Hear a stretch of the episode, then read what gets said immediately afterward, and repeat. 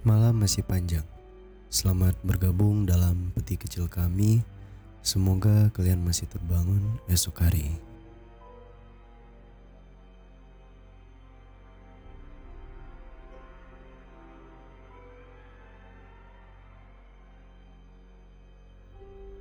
Chapter 2 The Holder of the Beginning atau Sang Penjaga Awal Di kota mana pun, di negara mana pun, atau di mana pun, pergilah ke institusi mental atau rumah sakit jiwa ya, atau tempat penampungan penampungan manusia yang bisa kau datangi.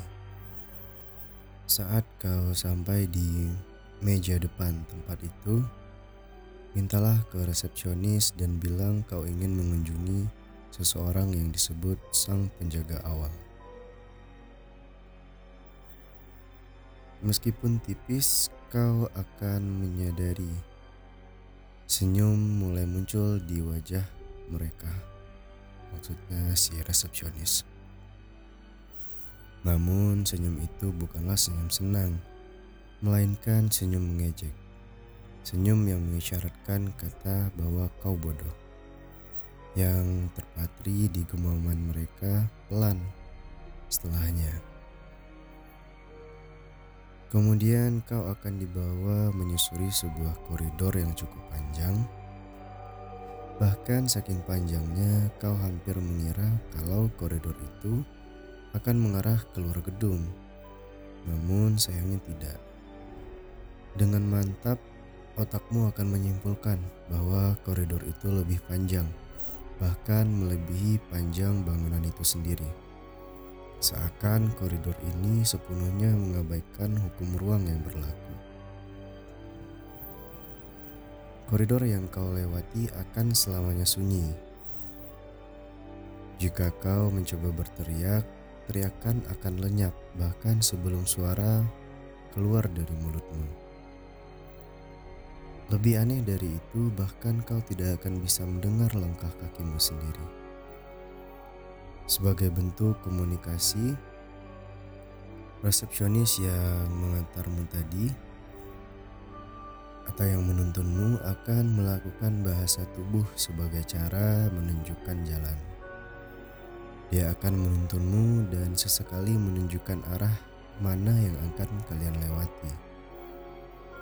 Hingga pada akhirnya, perjalanan kalian akan berakhir di ujung lorong. Di ujung lorong tersebut terdapat sebuah ruangan yang menyenangkan, penuh dengan parfum yang wangi dan bau-bau yang belum pernah kau cium sebelumnya.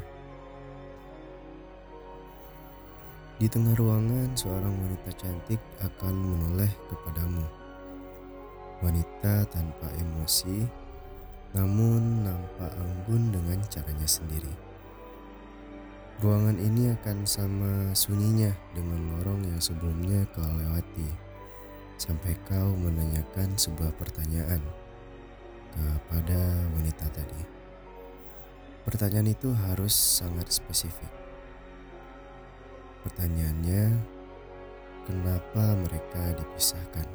Maksudnya objek-objek yang dicari para seekers.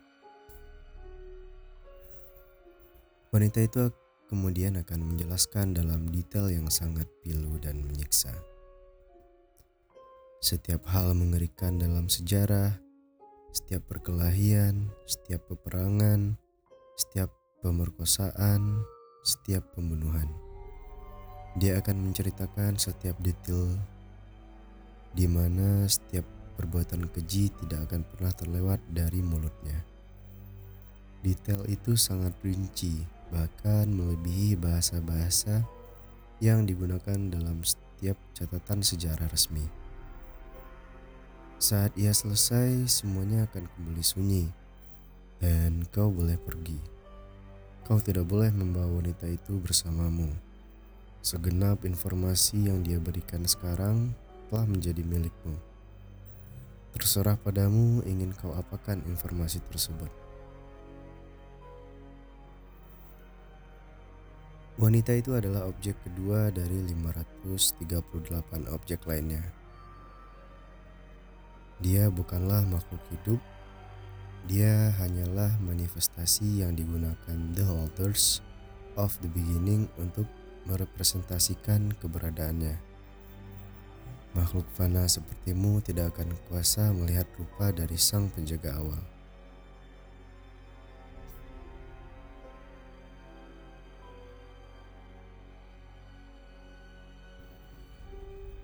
The Holder series ini merupakan cerita dari creepypasta dan ditranslate oleh unsolvedindonesia.com. Jadi untuk objek kedua ini kalau di objek pertama itu tidak bisa didefinisikan untuk objek yang kedua ini berupa wanita yang memberikan informasi tadi kalau dari keterangannya jadi untuk objek yang kedua jelas ya. Untuk para seekers informasinya sudah diberikan dan untuk menemukan objeknya silakan diikuti cerita tadi. Sampai bertemu di chapter 3 The Elder Series.